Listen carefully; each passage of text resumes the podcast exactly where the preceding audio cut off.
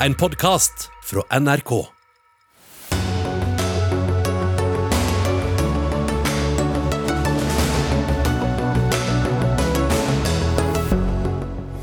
For 74 dager siden jublet folk over gjenåpningen av Norge. I kveld er det ikke så mye jubel, for nå skal koronatiltakene trappes opp igjen. Mediene må være mer kritiske til koronahåndteringen og slutte med dusteoppslag, sier kritiker, møter redaktøren av Norges største avis til debatt.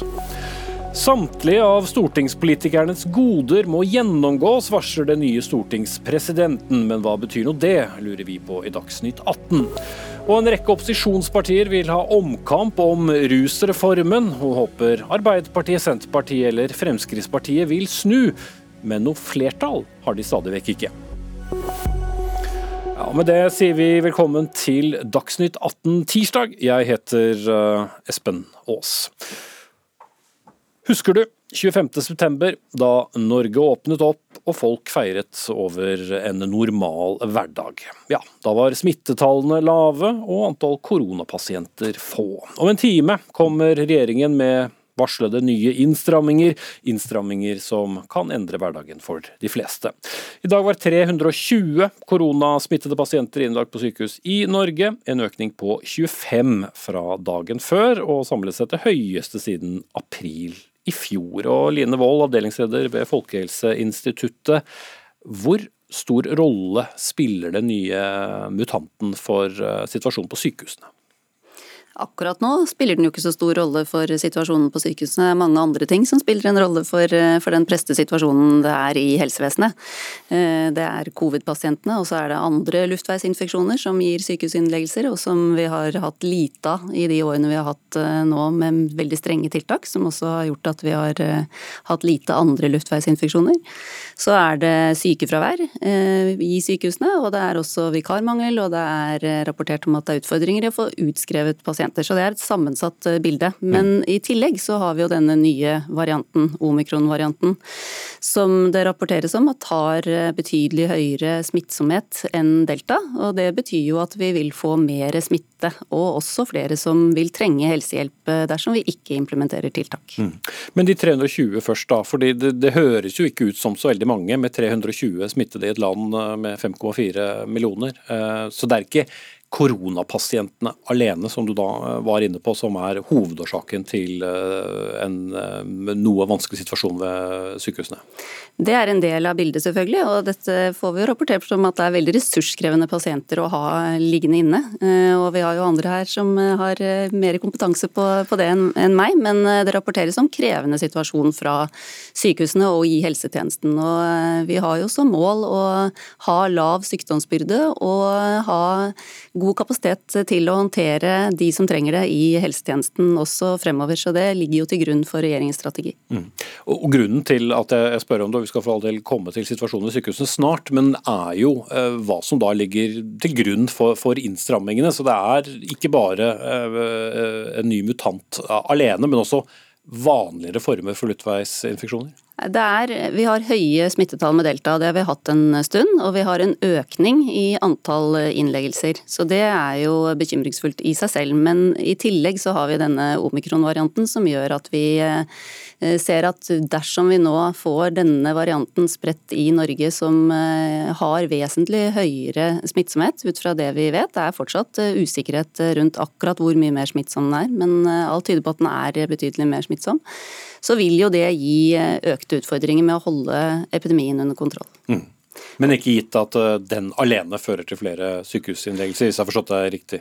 Ja, det er jo eh, sånn at hvis vi får en variant som er betydelig mer smittsom, så skal det veldig mye til at du ikke får flere som trenger helsehjelp. Da skal det være sånn at den gir vesentlig og veldig mye mindre alvorlig Eh, altså mye mindre risiko for alvorlig forløp. Det skal veldig mye til å veie opp for det. Vi har gjort noen enkle eh, anslag og modelleringer på det, og vi ser at eh, hvis den er betydelig mer smittsom, som alt tyder på at den er, så, så, vil det resultere i at flere blir smittet, og også flere trenger helsehjelp. Mm, ok. Jon Henrik Låke, du er overlege ved intensivavdelingen på, på Rikshospitalet i, i, Oslo, og i denne sammenhengen da leder i Norsk anestesiologisk forening, hvis det blir riktig. Men i hvert fall, du har skrevet et innlegg i Aftenposten sammen med kollega Dag Jacobsen, hvor overskriften er 'Ansatte i helsetjenesten sier at ressursene ikke strekker til'. De må bli trodd. Hva er det man ikke blir trodd på, eller hva er det dere må tros på?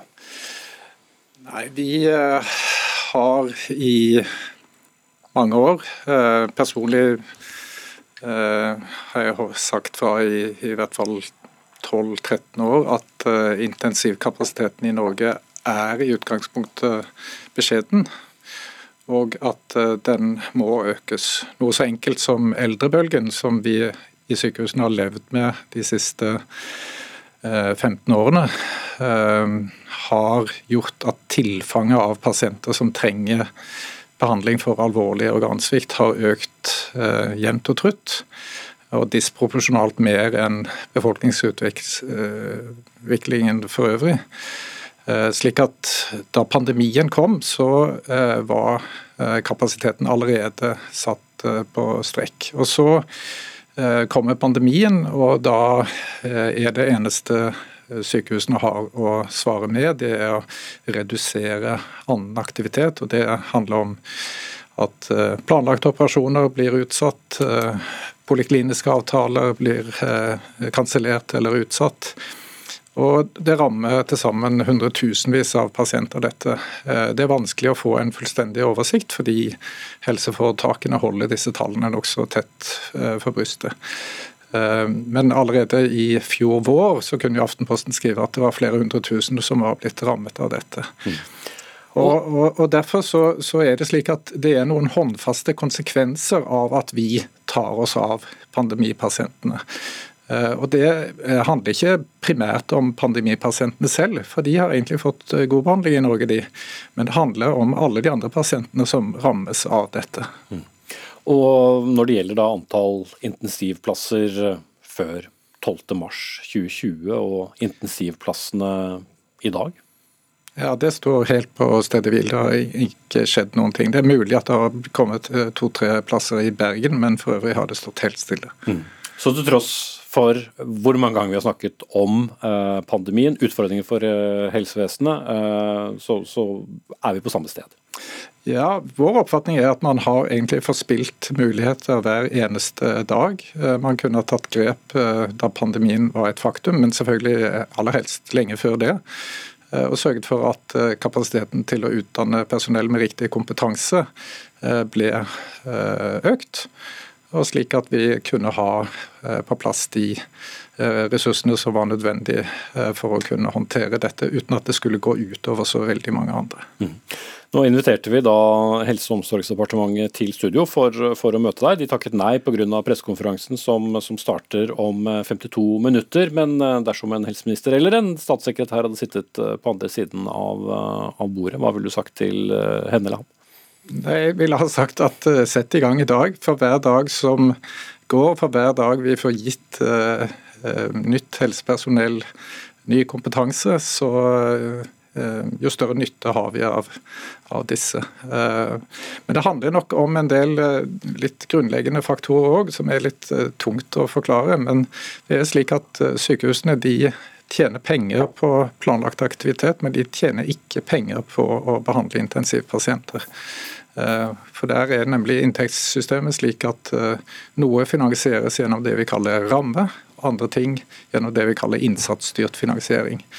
Og Der er det slik at uh, i dag, når sykehusene må ta ned planlagt aktivitet, så taper sykehusene dobbelt opp fordi de mister inntekter og samtidig har de økte utgifter pga. intensivbelegg. Ja, det er en, en, en, teknisk ting vi forstått har vært eh, innom tidligere. Uh, siste spørsmål eh, til deg.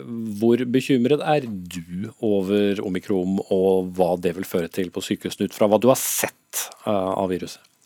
Nei, Vi er jo betalt for å være forberedt, først og fremst. Og så er det jo slik at det er folkehelsemyndighetene og virologene som må si noe om det vi kaller virulensen til et nytt virus. Det europeiske smittevernbyrået har så langt ikke registrert alvorlig sykdom og dødsfall knytta til denne nye virusvarianten, men som Vold er inne på her, så, så vil mengden pasienter som vil bli et resultat dersom denne smitten slippes helt fritt, tilsi at en andel av disse vil bli alvorlig syke, og at den samlede belastningen dermed vil gå opp. Sånn at eh, Det er vel ingen grunn til å senke skuldrene enda, i hvert fall. Nei. Gunnveig eh, Grødland, forsker eh, innen vaksineutvikling og immunolog ved Universitetet i Oslo. Du har ikke nødvendigvis vært så, så, pessimistisk, for du har stilt spørsmålet kan omikron rett og slett være en god nyhet. Og ditt noe positive svar er hva?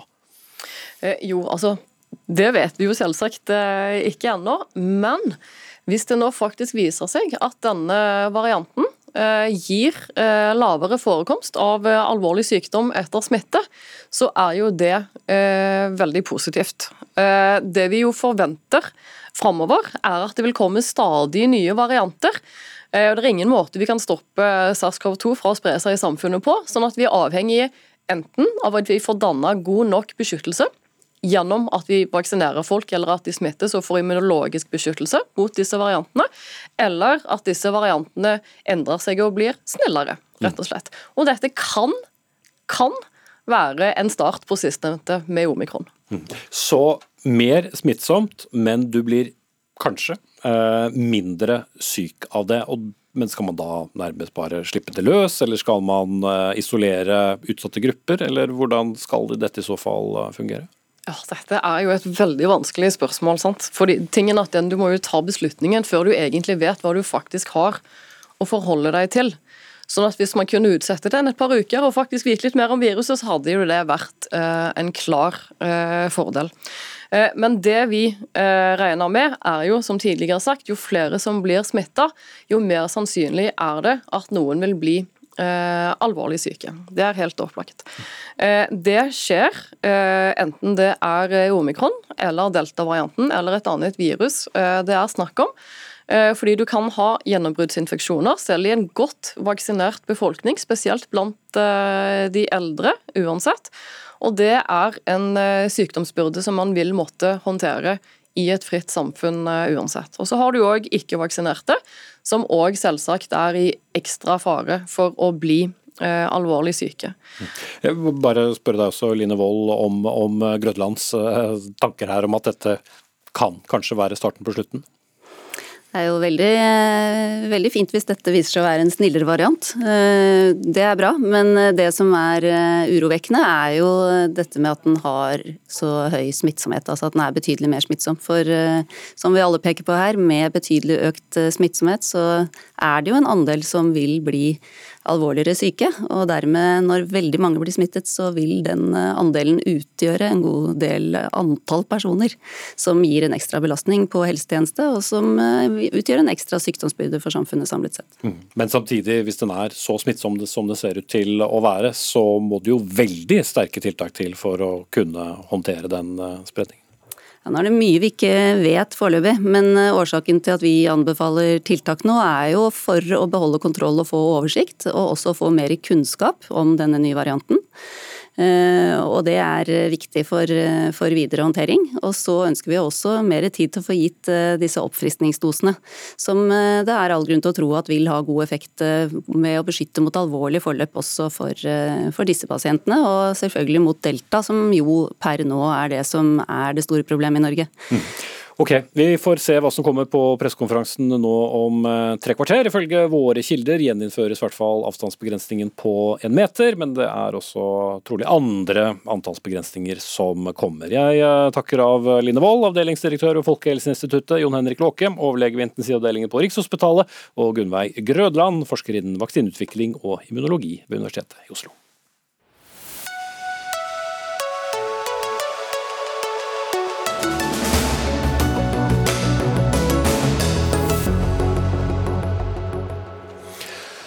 God Metodene til våre folkevalgte på Stortinget skal nå granskes. I dag møtte vår nye stortingspresident Masud Gharahkhani, og han hadde møte med lederen av utvalget som skal granske disse ordningene. Og De kommer eh, naturlig nok i kjølvannet av en rekke avsløringer, ikke minst rundt eh, utnyttelse av pendlerboligordningen.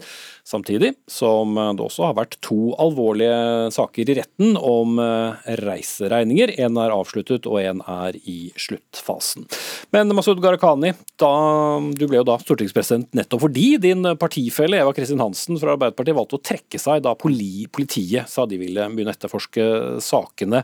Og du har sagt til Dagsavisen at dere kan ikke bare sitte og vente på et granskingsutvalg som sa de skulle holde på frem til oktober neste år. Dere må gjøre noe selv også. Hva slags grep gjør presidentskapet og Stortinget nå? Ja, altså Jeg har jo vært i jobben i en og en halv uke, Espen, som du er innom. og Det som har vært viktig for meg, det er jo å ha et uh, møte med stortingsdirektøren om mine forventninger om at det må ryddes opp. Og så har jeg hatt møte med de parlamentariske lederne. For det er noe med at vi må stå sammen om å gjenvinne tilliten til Stortinget hos folket vi skal tjene. Og det har vært en ganske krevende tid, hvor det har vært mye diskusjoner om rot og kaos om ulike stortingsrepresentantenes ordninger. Og det er jo ikke det Stortinget skal handle om. Det skal jo handle om å løse hverdagsutfordringer for folk. Og Det vi har gjort nå, det er ene er at vi skal ha åpenhet om alt. og Det har vært viktig beskjed jeg har gitt til administrasjon og til alle oss politikere. Eh, og Jeg tror dere i pressen har opplevd at mitt kontor er åpent og henvendelsene nå svares raskt. Så er det å være ryddige. Eh, vi mener at det er viktig at vi går gjennom nå alle ordninger og stiller spørsmål om de er rettferdige. Har de legitimitet hos folk? Eh, er det ordninger som ikke er til å kunne misforstås? Eh, og For meg så har det vært viktig at vi ikke bare, eh, bare ser på den delen som handler om pendlerboliger, men går gjennom alle ordninger. og Det er vi enige om. Men, men har du tillit til at Stortingets administrasjon har drevet god nok kontroll? For det er jo stilt kritiske spørsmål ved det også, fordi man nærmest har kunnet kontrollere seg selv i mange av sakene. Og man har heller ikke ettergått om det er kommet nye opplysninger, f.eks. rundt pendlerboliger.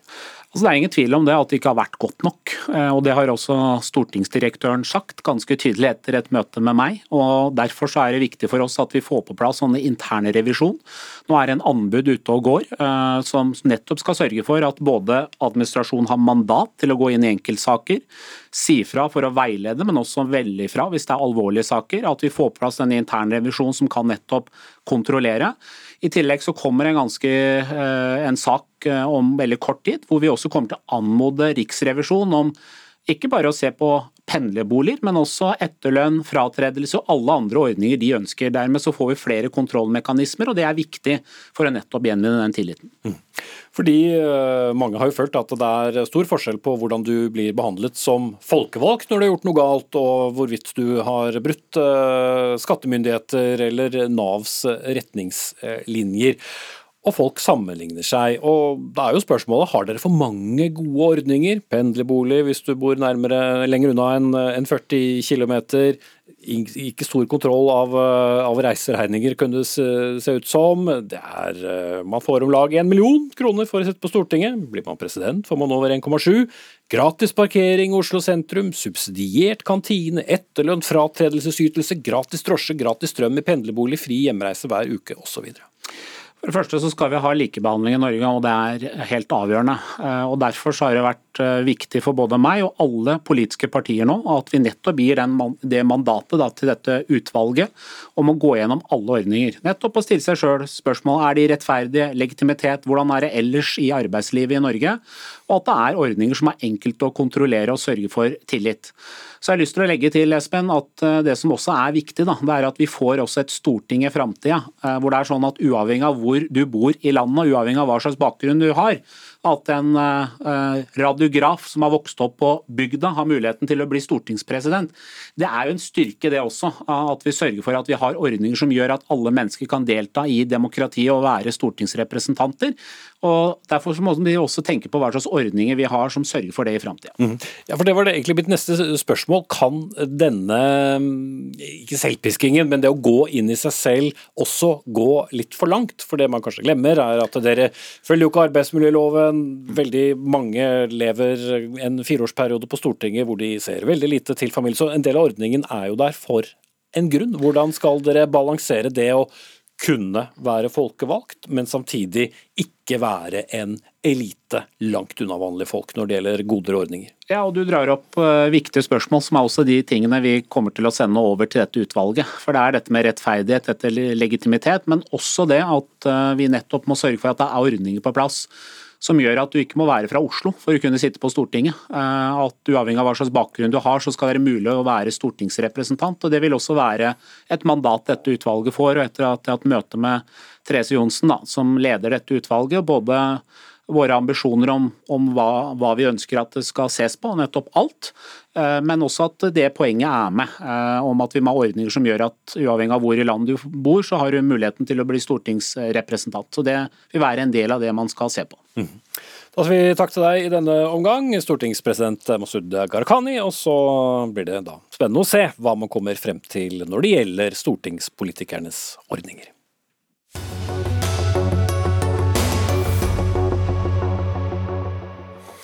Og så fortsetter vi med å diskutere konsekvensene av det vi nå er på vei inn i, med strengere koronatiltak, og hvor inngripende smitteverntiltakene nå bør være. For om 40 minutter så får vi vel et slags eh, svar, men allerede før dette så hadde du ganske sterke meninger om det hele i en kronikk i Dagens Næringsliv. Roger Bjørnstad, sjeføkonom i LO. Appellen er klar fra deg og, og LO. Ikke steng ned, hold hjulene i gang. Hvorfor eh, er det riktig med all den usikkerheten vi allerede har vært innom i, i studio?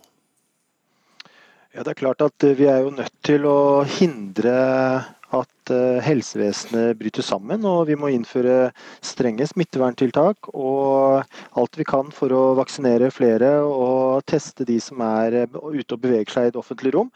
Men samtidig så må vi ha forholdsmessighet, og det er eh, noen som har båret byrden av denne pandemien kanskje mer enn andre, og det er selvfølgelig helsepersonell og alt, alle de som står i servicetjenester og betjener kunder hver dag. Men det er også alle de arbeidsledige som har måttet tåle lang periode uten eh, jobb og med lavere inntekt. Og dette har også store samfunnsmessige konsekvenser, og også helsekonsekvenser eh, på sikt. Så det er viktig i denne fasen nå å holde hjulene i gang med strenge smitteverntiltak, sånn at vi balanserer de to hensynene opp mot hverandre. Hmm. Jan Ludvig Andreassen, sjeføkonom i Eika-gruppen. Du syns ikke det er så god idé, du? Jeg var rimelig sjokkert av å lese dagens kronikk, særlig fra en så briljant økonom som eh, Roger Bjørnstad. Én eh, ting er jo generelt, da, jeg har vært lenge på det at det er bedre å være føre var enn etter snar. At det er bedre å stenge ned enn å tillate ting å komme ut av kontroll og så måtte være mye tøffere. Eh, jeg skjønner ikke hvorfor vi skal ta den type risiko i Norge. Det andre er det økonomiske, hvorfor vi blander penger inn i det. Eh, alle de som rammes av nedstenging, kan vi fullt ut kompensere. Til, til, og med overkompensere, hvis det er det om å gjøre. Eh, penger har vi nok av. Men ikke minst så er det hele debatten liksom om smitte kontra økonomi. og nei, Nå må vi tåle smitte og en del syke og overbelastede sykehus og utslitte helsepersonell for at vi skal berge BNP et år og sånn. Hvilket ettermæle er det denne episoden i vår historie kommer til å å gi våre barn og barnebarn. Så flau smak i munnen av, det hele. Ok, Bjørnstad, ta det, det første først da, med, med, med løper vi ikke en, en, viss risiko med at vi likevel da eh, kan ende opp med å måtte stramme inn mer senere, enn å være tidlig ute da, som, eh, som foreslås her? Jo, selvsagt eh, må vi balansere hensynene og hindre at det blir overdreven smitte, som igjen fører til eh, veldig stor belastning på sykehusene. Og unngå en enda kraftigere nedstengning senere. Men eh, vi må ha forholdsmessighet. Og én ting er jo hva myndighetene rår, men en annen ting er hva bedrifter og kunder faktisk gjør. Vi må følge rådene. Eh, men eh, vi har en tendens til å overdrive handlingene. Og det handler også om hva slags eh, økonomiske kompensasjonsordninger vi får på plass, sånn at ikke vi gir altfor sterke insentiver til å stenge ned virksomheten til tross for at rådene ikke går så langt. For da er det enda flere som rammes, og ikke nødvendigvis fordi vi hindrer smitte. Mm. Andreasen. Nei, altså det, det, er råd og anbefalingene. Det funker ikke. Det er liksom som helsemyndighetene anbefaler folk å drikke mindre H-melk. Altså, klare regler, lover, nedstengninger er det som må til. Og så har vi nok penger. Altså, siden 12. mars 2020, da vi stengte ned, så har oljefondet økt med 2000 milliarder kroner. Bare i dag har det økt med 100 milliarder kroner. Altså, Vi må ikke gjøre dette til en diskusjon om penger særlig for vårt ettermæle. Vi skal ta vare på vår befolkning, våre syke, helsepersonell osv. Om det koster litt og Her kan jeg være enig med Roger Bjørnstad implisitt det han sier at vi har vært for gjerrige med å kompensere de som rammes. Det er jeg helt enig i. Vi kan være mye rausere mot de som rammes. Eh, det, skal ikke stå på penger, og det tror jeg er veldig viktig for våre barn som vokser opp. Jeg har en datter. Hva er det hvor forteller henne om eh, en fremtid som sykepleier, så intensivsykepleier? At liksom, å ja, neste jul da, vi har bare 12 500 milliarder kroner på bok, du må jobbe, jobbe deg i hjel i jula. Ok, eh, Mange tråder her, for så vidt. da, Men, men, men Bjørstad, du er jo da først og fremst eh, økonom, eh, og jeg vet ikke hvor mye du vet for så vidt om, om virusmutasjoner. Men i og med du valgte å skrive det du gjorde da i Dagens Næringsliv i dag, så er det et ønske om at regjeringen skal, skal høre på deg. Hvis du tenker helt konkret, hva er faren med en kanskje kortere nedstengning, da? Det er jo at uh, man uh, kaster ut alle de arbeidstakerne som er i jobbene sine. Det er kompetanse som uh, forsvinner. Det er deres inntekter som blir redusert. Og det er jo også lett for oss som sitter på hjemmekontor og si at vi skal stenge ned samfunnet, men det er faktisk veldig mange som ikke har det privilegiet og er nødt til å eh, da tåle en eh, lang periode med arbeidsledighet og kanskje også vanskeligheter med å komme seg tilbake i jobb. Eh, og Det er en kjensgjerning at bruker, disse har ikke oljefond. De får dagpenger, og dagpengene er riktignok økt noe, opp til 300 000, så får du 80% av lønna di, eh, men over det så får du bare litt over 62 eh, av lønna di. og det er, det er denne økonomiske virkeligheten de står i. I tillegg til de langsiktige konsekvensene det har. Og de som rammes i arbeidsmarkedet, det er, eh, det er de som stiller svakest i utgangspunktet. Og dette er absolutt en sosial dimensjon som vi må ta hensyn til når vi balanserer hensynet til, til smitte og samfunnskonsekvenser. og Det at vi ikke det er ikke sånn at vi ikke tar samfunnskonsekvenser eh, i, i, betraktning. Eh, det har vi jo alltid gjort. Eh, og, okay. Andreas. Og, så dette er ikke noe, noe, nytt. Det er bare rett og slett at vi må nå balansere det på en annen måte enn det vi gjorde i forrige runde, hvor det var viktigere å hindre smitte. Nå er det viktig å hindre sykehusinnleggelser. Jeg vil bare si, si det. Gi et statlig stipend på 50 000 da, til alle som rammes. Men du, du, vil heller bruke penger rett og slett enn, enn å, å, ha hjulene i gang? Koste hva det vil koste, hvis jeg forstår det rett? Eh, jeg, jeg synes det derre eh, avveiningen økonomisk aktivitet mot smitte, sykdom og overbelastede sykepleiere, det er en avveining i et rikt samfunn bør slippe å ta. Dette kan vi betale oss ut av, og dette vil stå seg etter tid. Vi tok vare på vår befolkning, vi tok vare på utsatt helsepersonell. Og vi, vi, vi, satte alt inn på folkehelsa. Mm. Men vi har 91 eh, vaksinegrad, eh, eller hva det er, på, på voksne. Vi, er, vi blir ikke syke med mindre vi har underliggende sykdommer. Ja, smitten kan uh, spres raskere med den nye mutasjonen, men ting er vel annerledes enn det var sist da vi stengte ned? Det er veldig annerledes, men det kan også bli veldig annerledes i fremtiden. Og hvorfor tar vi denne risikoen? Det er ingen som vet noe om dette her. Man tror og gjetter. Og jeg ser ingen grunn til at et så rikt land som Norge skulle stenge ned. Langt fattigere land har stengt ned for lengst og har nær null i smitte. Mm. Det vi i alle fall eh, får høre fra, fra kilder nå rett før pressekonferansen, er at det vil i hvert fall bli innført en viss form for skjenkestopp eh, nasjonalt, men helt bekreftet tidspunkt for dette vet vi ikke. Takk skal du ha, Jan Ludvig Andreassen, sjeføkonom i Eika-gruppen, og Roger Bjørnstad, sjeføkonom i LO.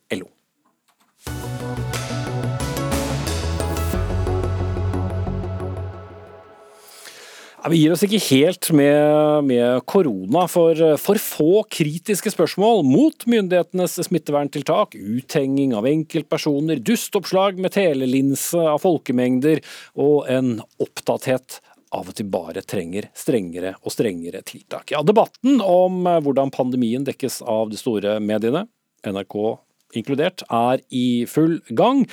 Gard Michaelsen, tidligere ansvarlig redaktør i, i E24, nå en næringslivsmann. Du har eh, kalt medienes dekning av pandemien for, jeg siterer, kollektiv kollaps. Hva er det som er eh, Hva har skjedd? Ja, vi er jo i tid der vi nå om, 20, ja, om 39 minutter skal innføre tiltak fordi vi er bekymra fordi at omikron kanskje er farligere. Eh, vi kommer til å innføre ganske inngripende tiltak i en tid hvor de fleste norske Voksne er vaksinert minst to ganger, stadig flere tre ganger. Eh, vaksinen antakeligvis beskytter mot eh, alvorlig sykdom. Og FHI sier i dag at den eh, også antakeligvis beskytter mot omikron. Og antakeligvis er omikron mindre farlig, altså mindre fare for alvorlig sykdom enn tidligere varianter. Og så har vi sett de siste ukene at norsk presse, som det har gjort i halvannet år snart, på pressekonferanse etter pressekonferanse har ett spørsmål, eller to, Punkt én, hvorfor er det ikke strenge tiltak? Punkt to, hvorfor kommer det ikke før? Ja, Er det spørsmålet som stilles, eller er det ditt etterlatte uh, inntrykk? Det, det, jeg har sett på ganske mange timer pressekonferanse de siste årene, og jeg har et ganske bestemt etterlatt inntrykk. Så finnes sikkert unntak. Det finnes sikkert unntak også i VG og NRK, som dessverre ikke kunne vært til stede her i kveld. Uh, men, men, det det bestemte inntrykket at det eneste for journalister spør om, er hvorfor kommer det ikke mer og strengere og før. Mm. Ja, uh, vi har spurt vår egen ledelse om vår egen dekning. De var opptatt på, på annet hold. Men Gard Steiro, har vi én Gard, så kan vi jo ta to. Du er ansvarlig redaktør redaktør i, i VG. Har vi dekket dette ensidig? Er vi for mye opptatt av ytterligere innstramminger? Jeg synes Det er vanskelig å svare for hele mediebransjen, øh, men øh, jeg er uenig i den virkelighetsbeskrivelsen. Jeg mener at jeg tror I startfasen av denne pandemien så tror jeg vi visste veldig lite, og det var vanskelig å stille gode kritiske spørsmål. Rett og slett fordi at verken vi eller myndighetene visste helt hva som traff oss. Men etter hvert så syns jeg mediene har drevet mye kritisk journalistikk, også på tiltakene. Jeg mener det er vår plikt å stille spørsmål om tiltak burde vært iverksatt tidligere. Men det er òg vår plikt å problematisere tiltakene og konsekvensene av det og nødvendigheten av det. Og Det mener jeg norske medier har gjort på veldig mange ulike måter. Jeg kan jo snakke for VG, og vi har mange eksempler på at vi har gjort det. Og så tror jeg det er litt farlig å ta utgangspunkt utelukkende i hvilke spørsmål som stilles på en pressekonferanse. For det vet jo eh, Michaelsen eh, godt her, at veldig mye av den undersøkende og kritiske journalistikken som skjer, og som man kan lese om i norske medier hver uke, den skjer jo mellom disse pressekonferansene. Det er der det viktige arbeidet gjøres. Mm. Men eh, hvis jeg skal forsøke meg med dette berømmelige etterlatte inntrykket eh, også hos deg, da. Det greit at du er mest opptatt av egen journalistikk, men hvis du ser mediene under ett, er det ikke i overkant mange i dag, er så mange flere smittede enn i går? Dere har jo selv innført denne telleren øverst på, på, på VGs nettside, som dere tok bort 25.9. Eh, Blir vi ikke skremt? Jeg tror ikke folk blir skremt, og jeg er helt uenig i det premisset. Jeg mener at Det viktigste vi i mediene kan gjøre, det er å gjøre folk i stand til å forstå hva som skjer. Og Hvis vi ikke hadde gjort dette, hvis vi ikke hadde holdt befolkningen oppdatert om smittetall både lokalt og nasjonalt, om sykehusinnleggelser, om vaksinasjoner, så ville jo debatten kunne sporet helt av. Så det å gjøre liksom, den jevne nordmannen og borgerne i stand til å forstå hvilken situasjon vi befinner oss i både i Norge og i verden, det mener jeg er journalistikken liksom grunnplanke. Så at vi skulle holde smittetall, ikke rapportere om smittetall, mener jeg er en helt misforstått oppfatning av hva journalistikk er. Og jeg tror heller, det, det, det er jo noen som mener at, dette, at disse smittetallene, liksom, at folk blir redd av de. Det syns jeg er å undervurdere folk. Altså, vi har holdt på med dette nå i eh, snart i to år. har vi holdt på med å rapportere smittetall. Jeg tror befolkningen begynner å bli ganske oppdatert og opplyst etter hvert. Mm. Og Jeg syns denne, denne informasjonen jeg synes det er helt nødvendig å holde folk oppdatert. Det er en del av journalistikken. Men, de tallene er noe annet i dag enn det var for to år siden. Altså Det kommer push-meldinger om 4000 nye smittede, så skaper jo det en viss frykt. Men klart vi sammenligner jo ikke Apple, altså vi sammenligner Apple og pære, for å bruke det begrepet kanskje feil. Men det er klart at 100 smittede eller 1000 smittede for ett år siden er noe helt annet enn 4000 smittede i dag. Vi er vaksinert, eh, de fleste er vaksinert, og vaksinen beskytter godt mot alvorlig sykdom. Vi er i en situasjon her, så når du spør hva som skjer i samfunnet i dag, er det jo slik at vi Eh, det var noen som tvitra i stad, jusprofessor Hans Fredrik Martinussen, som sikkert blir glad for å bli nevnt her, tvitra jo at nå eh, er det jo sykehuset som styrer samfunnet, og ikke motsatt. Altså Vi stenger samfunnet fordi at sykehuset er fullt, istedenfor å spørre hvorfor er sykehuset fullt, og hvorfor har vi ikke flere plasser på sykehuset. Det er jo der journalistikken burde ligge. Eh, det er ingen som snakker om forholdsmessighet i tiltakene. Vi stenger et samfunn fordi at noen kan bli syk, mens de aller fleste er beskytta individuelt. Ja, men det er jo det, Dette ingen snakker om det. Altså, men for oss mener Det snakkes om forholdsmessighet hele tiden. Det snakkes om konsekvenser tiltakene har for svake grupper. Det snakkes om konsekvenser for næringslivet. Det snakkes om om de kommer for tidlig, om de er for seint. Og veldig mye av den debatten vi har, den baserer seg på ting vi har lest i de nevnte mediene som kritiseres. Alt som blir sagt i dette, har jeg lest sjøl i min egen avis i dag. Sånn at denne informasjonen er jo der ute. Og så kan man ha ulike meninger om tiltakene er riktige eller ikke. Jeg er ikke epidemiolog. Jeg er heller ikke ansvarlig ansvarlig for et sykehus. Jeg synes Det er veldig vanskelig for meg å mene noe bestemt om det. Men jeg synes at det viktigste for mediene å gjøre er å få denne informasjonen ut dit, stille spørsmål til myndighetene. Jeg, eh, og også det er klart at Hvis sykehusene, hvis det er sånn da, som det har blitt sagt i dag, at det blir sagt fra Helsedirektoratet, at det er fare for at høyt, eh, høyt sykefravær ved sykehusene vil føre til at eh, nordmenn ikke får behandling for andre sykdommer og andre lidelser enn covid-19, så er jo det helt relevant av oss å å, si, å formidle det, da, mener jeg, hvis det er Helsedirektoratet sin, sin mening. Hva er det du ville hørt f.eks. på pressekonferansen etterpå nå, hvor det ligger an til, til skjenkestopp, trolig økt ja. bruk av hjemmekontor osv.? Det er klart at det skjer mye god journalistikk mellom slagene, men pressekonferansene som nå blir sendt på Dagsrevyen med en million seere, eller to millioner seere på, på, i alle kanaler, er jo der folk flest ser. Og det vi kan håpe er at når vi nå antakeligvis går inn i en runde med nye pressekonferanser, om ikke daglig, så i hvert fall ukentlig eller flere ganger i uka, at det ikke bare bli en flokk med journalister som stiller spørsmål hvorfor kommer det for lite, for sent og, for, og på en måte for lite strengt.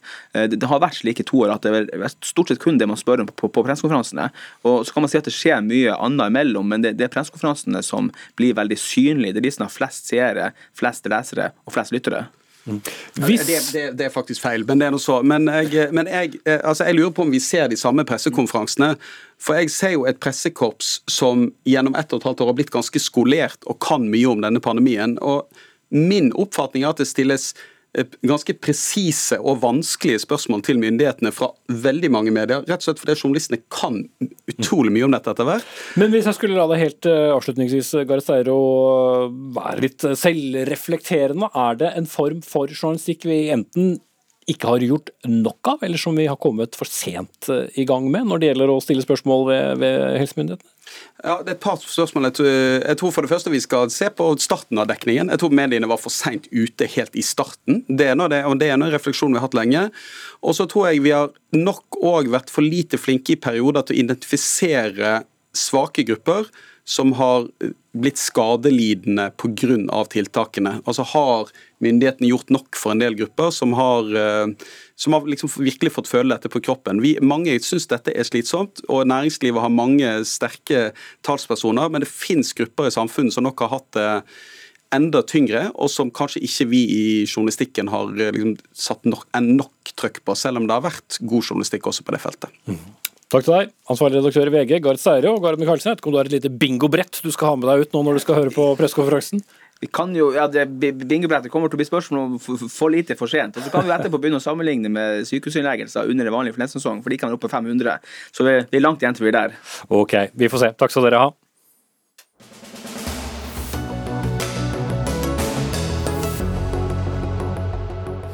Bare minner om en sak vi skal ha om litt. For Høyre, Venstre, Rødt, MDG og SV, ikke naturlige lekekamerater, men eh, sammen tapte de kampen om rusreformen før sommeren. Nå har de tenkt å prøve seg igjen, men hvorfor det når de fortsatt ikke har flertall, lurer vi på i Dagsnytt 18.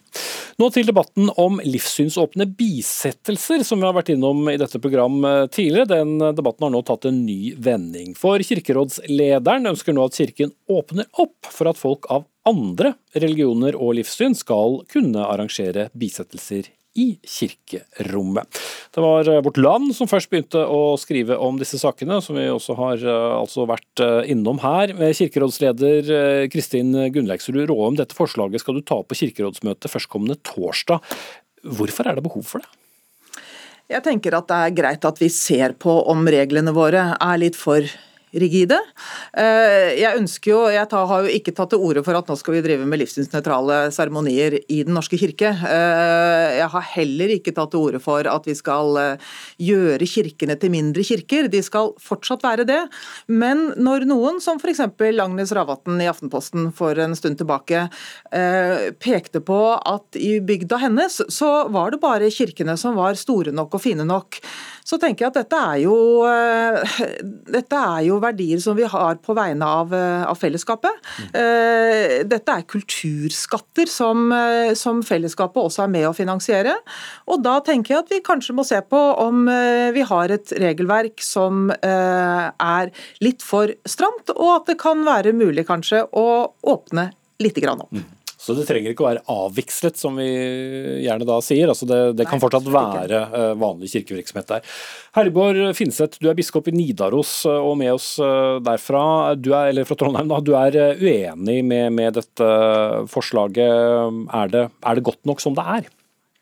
Først vil jeg si at jeg har stor respekt for den situasjonen som enkelte familier kommer opp i i forbindelse med dødsfall der hvor det ikke er opplagt hvor gravferda skal være. Dette er en vanskelig sak, og det er også en vanskelig sak fordi det alltid involverer mennesker og personer. Eh, sånn som, eh, sånn som eh, ordningen er nå, så åpner er det ikke noen åpning for at kirkerommet kan brukes mm. Eh, til, sånne, til, sånne, her seremonier. Og jeg tenker at en ikke-kristen gravferd eh, i, et, i, et, kirkerom, det er ikke beint fram. Nei, det men, men, hvordan skal vi løse Som du sier, dette er, dette er en utfordring. Blant annet eh, der Agnes Ravatn fortalte om eh, i Aftenposten og her i, i Dagsnytt 18. Så, så, hvordan skal det da løses? Det er ikke kirkens ja. ansvar, er det det du mener? Både små og store eh, lokalsamfunn må ta inn over seg at, man, eh, at vi er ikke en monokultur lenger. Vi er i, i, i livssynsåpne samfunn. Vi er i samfunn hvor, hvor eh, livssynsmangfoldet også har flytta ut i bygden. Det fins ikke bare i byen. Men her er det kommunen og fellesskapet som, som, må ta et ansvar for sine innbyggere. På sida av å være kulturbygg og kulturskattforvalter, som Kristin Gunnliksrud Raaen beskriver veldig fint, er kirka også et trossamfunn. Eh, og har en egen oppgave å, å forvalte de, de, byggene som er til, til trosutøvelse. Så jeg syns ikke det er uten videre enkelt at, at man skal flytte inn eh, ikke-kristne begravelser. I dag er det sånn at, jo, bare, at kirken er jo på utland. Der, der, ja, for hva ja, er konsekvensen da av å vel i ganske få tilfeller da, åpne kirkerommet for andre former for, for bisettelser? Ja, det er jo spørsmål om det blir så ganske få eh, gravferder. Det som vi ser som er en, en, trend i dag, det er jo En ting er at, at det er flere trossamfunn representert i mange lokalsamfunn som har behov for gravferdslokale. Det andre vi ser er jo tendensen til at det blir såkalte personlige seremonier som jo, som jo, alle kan be, be, om. Det er jo den avdødes familie som bestemmer hvordan gravferden skal innrettes og skal se ut. Så du er redd for en slags utvanning av, av kirken? ja, jeg er redd for at det i alle fall ikke er så enkelt å definere hva som er ikke-kristne begravelser. Skal du f.eks. måtte tilhøre et annet trossamfunn? Mm. Okay, eh, skal... Det går jo helt på kryss og tvers, for det er jo sånn i dag at kan, du kan være Du kan f.eks. være pinsevenn, men uh, ha nær kontakt med statskirka når du dør, så kan du ønske å bli begravd fra, uh, via Den norske kirke, og ikke via pinsemenigheten. Og okay, sånn går det jo på kryss hele tida. La oss høre hva kirkerådslederen selv mm tenker om dette. Ja. Jeg tror nok at mange ikke vil ønske dette.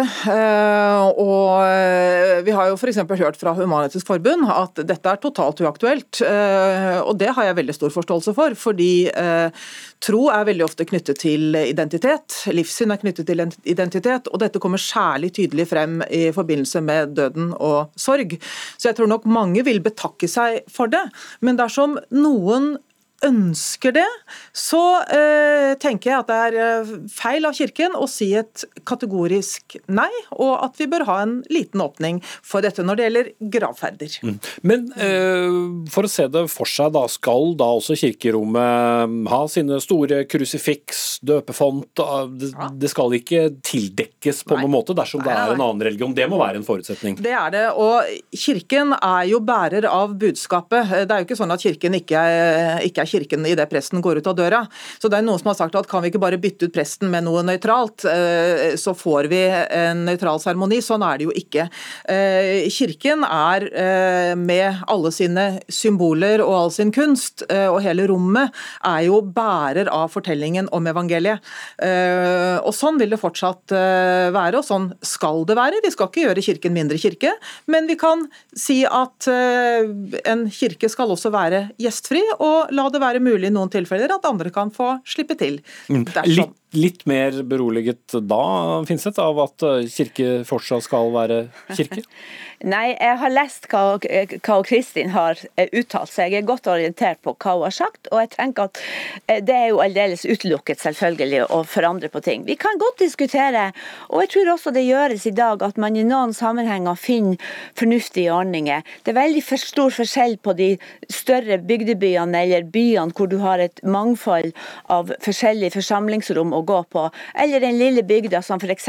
Agnes Ravatn eller andre kan representere, som hvor det, er, eh, hvor det ikke er mange lokaler å gå på, så tror jeg at det også, selv om regelverket er absolutt i dag, så, så finnes det eh, noe, Det går an å være smidig nå også, men jeg tror det kan være en fordel at vi både diskuterer muligheten for en slags dispensasjonsordning, og i så fall hvor den skal mm. plasseres. Skal straks sette et eh, punktum her nå, men prosessen videre, Roem? Ja, nå kommer jeg til å si at jeg syns at vi skal se på dette regelverket. Og så eh, må vi drøfte dette grundig. Og biskopene skal selvfølgelig som alltid involveres i dette. Og så får vi se hva Kirkemøtet sier til slutt. Mm. Og en av biskopene har vi hørt i klartekst her, Herborg Finseth, biskop i Nidaros. Eh, takk til Kristin Gunnleiksrud Aam, som er kirkerådsleder.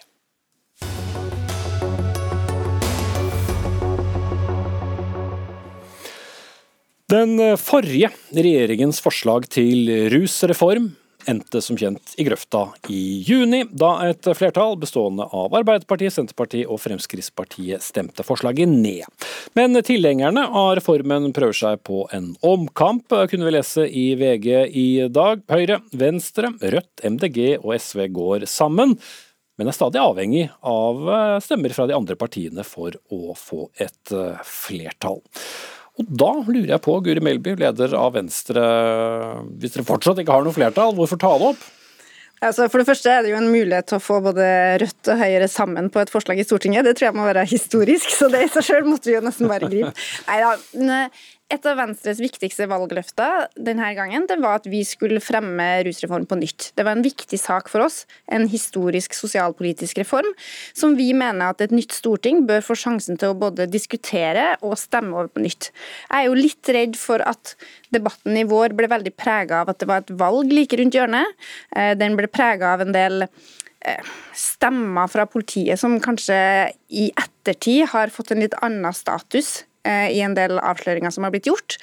Um, og så syns jeg jo at selv om jeg vet at både Senterpartiet og Arbeiderpartiet har et annet syn på ruspolitikk enn det Venstre har, så syns jeg jo også at Hurdalsplattformen den åpner i hvert fall opp noen erkjennelser av at dagens ruspolitikk ikke fungerer godt. At vi trenger en ny kurs. Og da tenkte jo vi at det var jo fint om vi, da, Venstre, Høyre, SV, Rødt og MDG, kunne legge fram vårt forslag, i stedet for å sitte og vente på regjeringas forslag, som jeg er litt redd for at ikke vil være det vi ønsker oss. Ja, Hans Inge Myhrvold i helse- og omsorgskomiteen eh, for Senterpartiet, eller fra Senterpartiet, selv om du sikkert ble rørt av å se Rødt og Høyre sammen. Eh, valg er eh, over, det er fire år til neste gang. Mye har kommet frem om denne debatten rundt rusreformen i, i ettertid, men står dere like fast på standpunktet? Nei, altså For Senterpartiet så har vi jo vært opptatt av og på en måte dreie den politikken som, som vi har vært vitne til i samfunnet. Vi ønsker å, å hjelpe de som trenger hjelpen mest. Og Da var vi òg veldig tydelige på når denne debatten gikk i Stortinget sist. Og Det var jo nettopp et, blant annet et representantforslag fra Senterpartiet som var opptakten til bl.a. òg den debatten som foregikk på innspurten før valgkampen. Så, mm. men, men, et av de punktene som skapte mye debatt da, og mye følelser i ditt eget parti, er jo dette som eh, handler om straff for besittelse av mindre narkotikamengder. Eh, står dere på samme standpunkt? Ja, det gjør vi. Eh, men er det hjelp til å få noen ut av rusproblemer? Ja, da, mener vi fortsatt, og da er regjeringens oppfatning òg. Eh, og det er det som er nedfelt i, eh, i Hurdalsplattformen. Sånn at, eh, og, og, vi mener at det, det kreves enda bedre utgreiinger på dette arbeidet. Nettopp i å differensiere lovgivningen som, som, skal ivareta dette på en, på en, bedre måte. Og Da vet jeg Melby, at du nok kanskje kommer til å si at vi har ganske mange utgreiinger på det området? Altså, Jeg skal ikke si nei til flere utredninger, det er helt greit for Venstre. Hvis det er det som skal til for å få Senterpartiet å endre syn på hvordan vi behandler mennesker som er avhengige av hjelp, eh, i stedet for å gi dem straff. Men en annen ting som eh, også ble brukt som argument fra både Arbeiderpartiet og Senterpartiet mot rusreformen i vår, det var jo at kommunene ikke var klar til å gi denne hjelpa i stedet for straffen. Mm.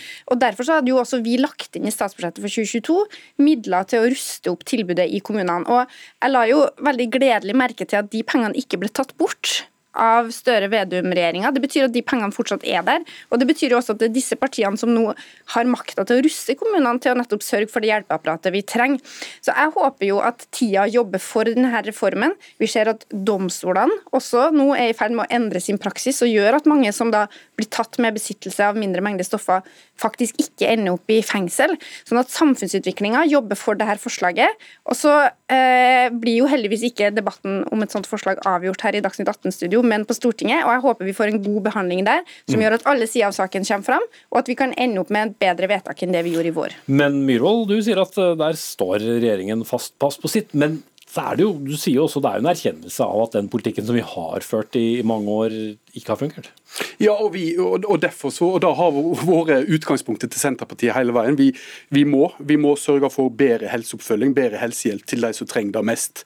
Eh, og Da er utgangspunktet for alt som omgår eh, den, dette feltet. her, og, og Derfor så, så, er vi òg tydelige på gjennom Hurdalsplattformen, og for så vidt òg gjennom da representantforslaget som, som Senterpartiet fremja eh, tidligere på dette feltet, at vi, at vi må, må se på lovgivningen. og så må og så må vi eh, sørge for eh, at vi ikke havner i samme skyttergravene som sist. Det er på en måte det, det absolutte. Jeg er litt redd for at vi er på vei der igjen nå med dette forslaget. Mm. Vi må Men dere, er jo så veldig dynamikk. uenige om den ene tingen. og det, for så vidt, Nå var Arbeiderpartiet litt mer delt der enn det Senterpartiet er, da, og, og enn det Frp er. Men da må du nesten håpe på en fristilling da, av representantene til Arbeiderpartiet, Melby? Og det skjer vel ikke? Det som skjedde i forrige periode, var jo at Arbeiderpartiet endra syn i løpet av perioden. Fra å være blant de partiene som ønska seg en rusreform, til å gå imot det. Eh, og Da kan jeg nå håpe at det går an å få til en lignende endring også denne perioden, men da i motsatt retning. Vi har jo fått inn viktige stemmer som snakker for rusreform, bl.a. fra Oslo Arbeiderparti, sånn som Kamzy Gunnar Ratman. Jeg kan jo håpe da at sånne som hun eh, blir viktigere i debatten enn det f.eks. Jan Bøhler var før eh, sommeren. Og som jeg sa i mitt forrige innlegg, tida jobber for en reform. Vi har nå lagt fram et forslag. Vi viser at vi går på tvers av det politiske spekteret. Vi prøver å samle oss. Vi har ikke noe ønske om å gå i skyttergravene. Vi går gjerne i dialog med regjeringspartiene også, for å greie å se om vi finner fram til noe som gjør at vi sparer flere menneskeliv, og at flere får et verdig liv. Mm. Mitt retoriske spørsmål er hvor ofte stemmer en regjering for et uh, forslag fra opposisjonen? Jeg tror ikke dere gjorde det, og dere kommer heller ikke til å gjøre det. Men Kommer dere helt seriøst Myhrvold, til å sette inn støtet for å gjøre noe med rusreform? Ja, jeg vet så, Nå skal jeg være helt seriøs. Eh, absolutt. Eh, og, og, og, Vi omtaler den som rusreformen. Vi, det er et bredt grunnlag på Stortinget for en rusreform. Eh, det er mitt utgangspunkt. Eh, men hvordan den kommer til å se ut, da jobber vi med. Eh, og så er jeg veldig glad for at den innretningen fra Venstre og de som står bak forslaget til Stortinget i dag, er dialog og samhandling. og Da skal vi klare å løse de største flokene. Blir det søtere nå, som jeg pusser tennene? Guri Melby, Venstre-leder, og Hans Inge Myhrvold, stortingsrepresentant fra Senterpartiet. Men spøk til side, dette er en sak det er eh, mye følelser om, og jeg tror mange kommer til å følge med på hva som skjer på Stortinget fremover.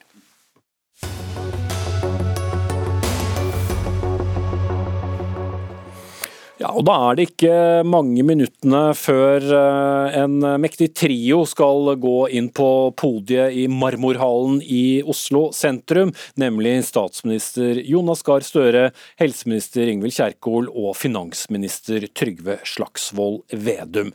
Topptung gjeng, reporter Peter Svaar, du dekker pressekonferansen for oss i NRK. Hva vet vi nå om hva som kommer? Fordi eh, det har vel kommet noen eh, små indikasjoner etter hvert som det nærmer seg? Ja da, det begynner å trille ut eh, litt drypp her om hva vi kan vente oss nå. og Overskriften vi blir fortalt, i hvert fall, er antall og avstand. Altså antallsbegrensninger egentlig de fleste steder hvor det er mange mennesker samlet innendørs under tak. Eh, og avstand, hvor eh, man innfører meteren eller en form for avstandsregel i det minste. Og dette eh, kan også gjelde i private hjem. Der venter vi at det kommer nye regler om hvor mange som kan samles hjemme. Vi vet at regjeringen har fått innspill om ti personer som en mulig grense. Det er ikke sikkert at det er det de har endt opp med å, å gå for. Men eh, det vil også kunne komme antallsbegrensninger både på serveringssteder, restauranter, treningssentre, eh, idrettsarrangementer, kultur. Eh, vi har jo vært gjennom dette før, så det er jo ikke noen stor overraskelse hva slags verktøy som nå ligger i verktøykassen. Men dette er jo tiltak som vil merkes, og som også vil ha en økonomisk konsekvens for mange bransjer nå i oppkjøringen til jul og med en julebordsesong som nå eh, ser ut til å få noen skudd for baugen. Mm. Og Det er altså to og en halv måned omtrent eh, Petter Svår, siden Norge feiret eh, en slags tilbake til, til normalen. Så ut fra det du kjenner til, har det vært en vanskelig vei frem til det som nå skal presenteres for regjeringen? De har jo jobbet med dette en stund nå. Ja, det er jo omikron-varianten som har endret på en del av dette regnestykket. Vi har jo sett eh, de siste ukene og månedene smitten stige, men eh, sykehusinnleggelsene ikke øke i hvert fall like raskt som de har gjort i tidligere eh, smittebølger, og hvor man har vært eh, litt avventende til å, hvor sterke tiltak man skal, skal, sette inn. Eh, nå er det en trussel om omikron som henger over oss. Der er problemet at den er sannsynligvis mye mer smittsom. og Det betyr at selv om omikron-varianten kanskje er litt mindre sykdomsfremkallende, det vet man heller ikke enda, men dersom det er det, så kan det likevel bety at du får mange flere smittede, og dermed flere som vil trenge behandling på sykehus. Og Når vi da vet at i dag er det 320 innlagte på sykehusene i Norge, det er tall vi ikke har sett siden april 2020, altså de første ukene av pandemien, så er det klart at sykehusene allerede nå kjenner eh, presset og er under strekk. Og Hvis vi nå skal få en stor smittebølge med omikron på toppen av det eh, i desember og januar, slik eh, Folkehelseinstituttet skisserer i sin risikovurdering, risikovurdering som de eh, publiserte i dag, så, så, blir det en krevende situasjon. og Det er vel det som da eh, er årsaken til at eh, man nå strammer inn ytterligere i dag. Og Så blir det spennende nå å se hvor langt de kommer til å gå på disse ulike områdene. Og så blir det selvfølgelig også spennende å se hva slags kompensasjonsordning de har klart å sette sammen på den korte tiden som har gått. Dette er jo et arbeid med denne, det som legges frem her i, på denne pressekonferansen, som startet i helgen. Eh, senest på torsdag var det jo en pressekonferanse her i Marmorhallen hvor eh, man la fram noen tiltak og en kommunal kompensasjonsordning. Nå er jo spørsmålet om det er behov for en nasjonal kompensasjonsordning, og hvor man skal finne pengene til det fra. Mm. Det blir, eh, det blir, som du sier, spennende, eh, Petter Svaar. Og det er vel eh, nettopp derfor også Trygve Slagsvold Vedum er en av de tre som kommer på podiet. Fordi at økonomi må, må være en del av, av bildet veldig kort til slutt.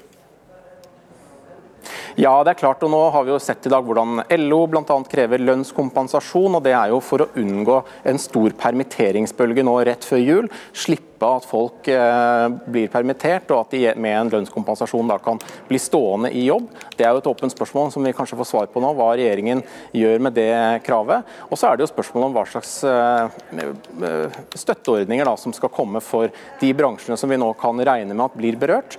Og det, Jeg må ja, bite deg av der, eh, Petter Svaar, for nå nærmer vignetten seg. Sofie Lork Falk var ansvarlig for sendingen. Lisbeth Sellereite tok seg av det tekniske. Jeg heter Espen Aas. Følg pressekonferansen på Dagsrevyen nå klokken 19.